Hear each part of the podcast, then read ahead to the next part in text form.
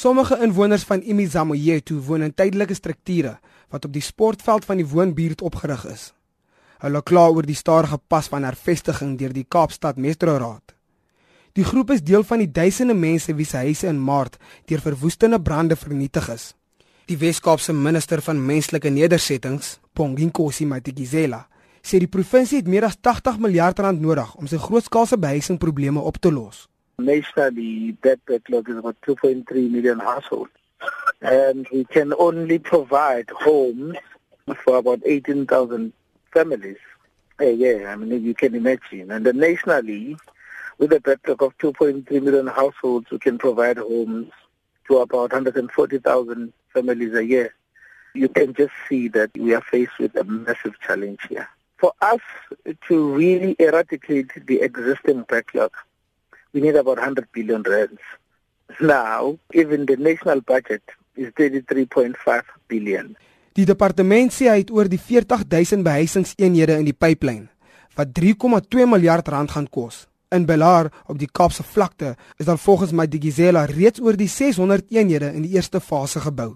We are busy in an area that we call Southern Corridor now. Southern Southern Corridor involves, you know, N2 gateway projects, involves the airport precincts, all those informal settlements next to the airport. We are busy there now. One and a half week ago, we launched a massive project in Blue Downs. You know, we call it Forest Village, and we are building just over 5,000 homes there. In Brede Fallet or in Vosta, we have a project that is called Transex there, which is part of our catalytic projects.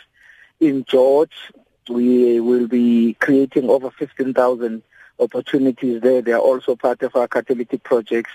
'n Projek is ook aan die gang om meer as 100 000 behuisingsgeleenthede te verskaf wat teen 2022 voltooi moet wees. We are saying we need to prioritize the provision of land to our poor people.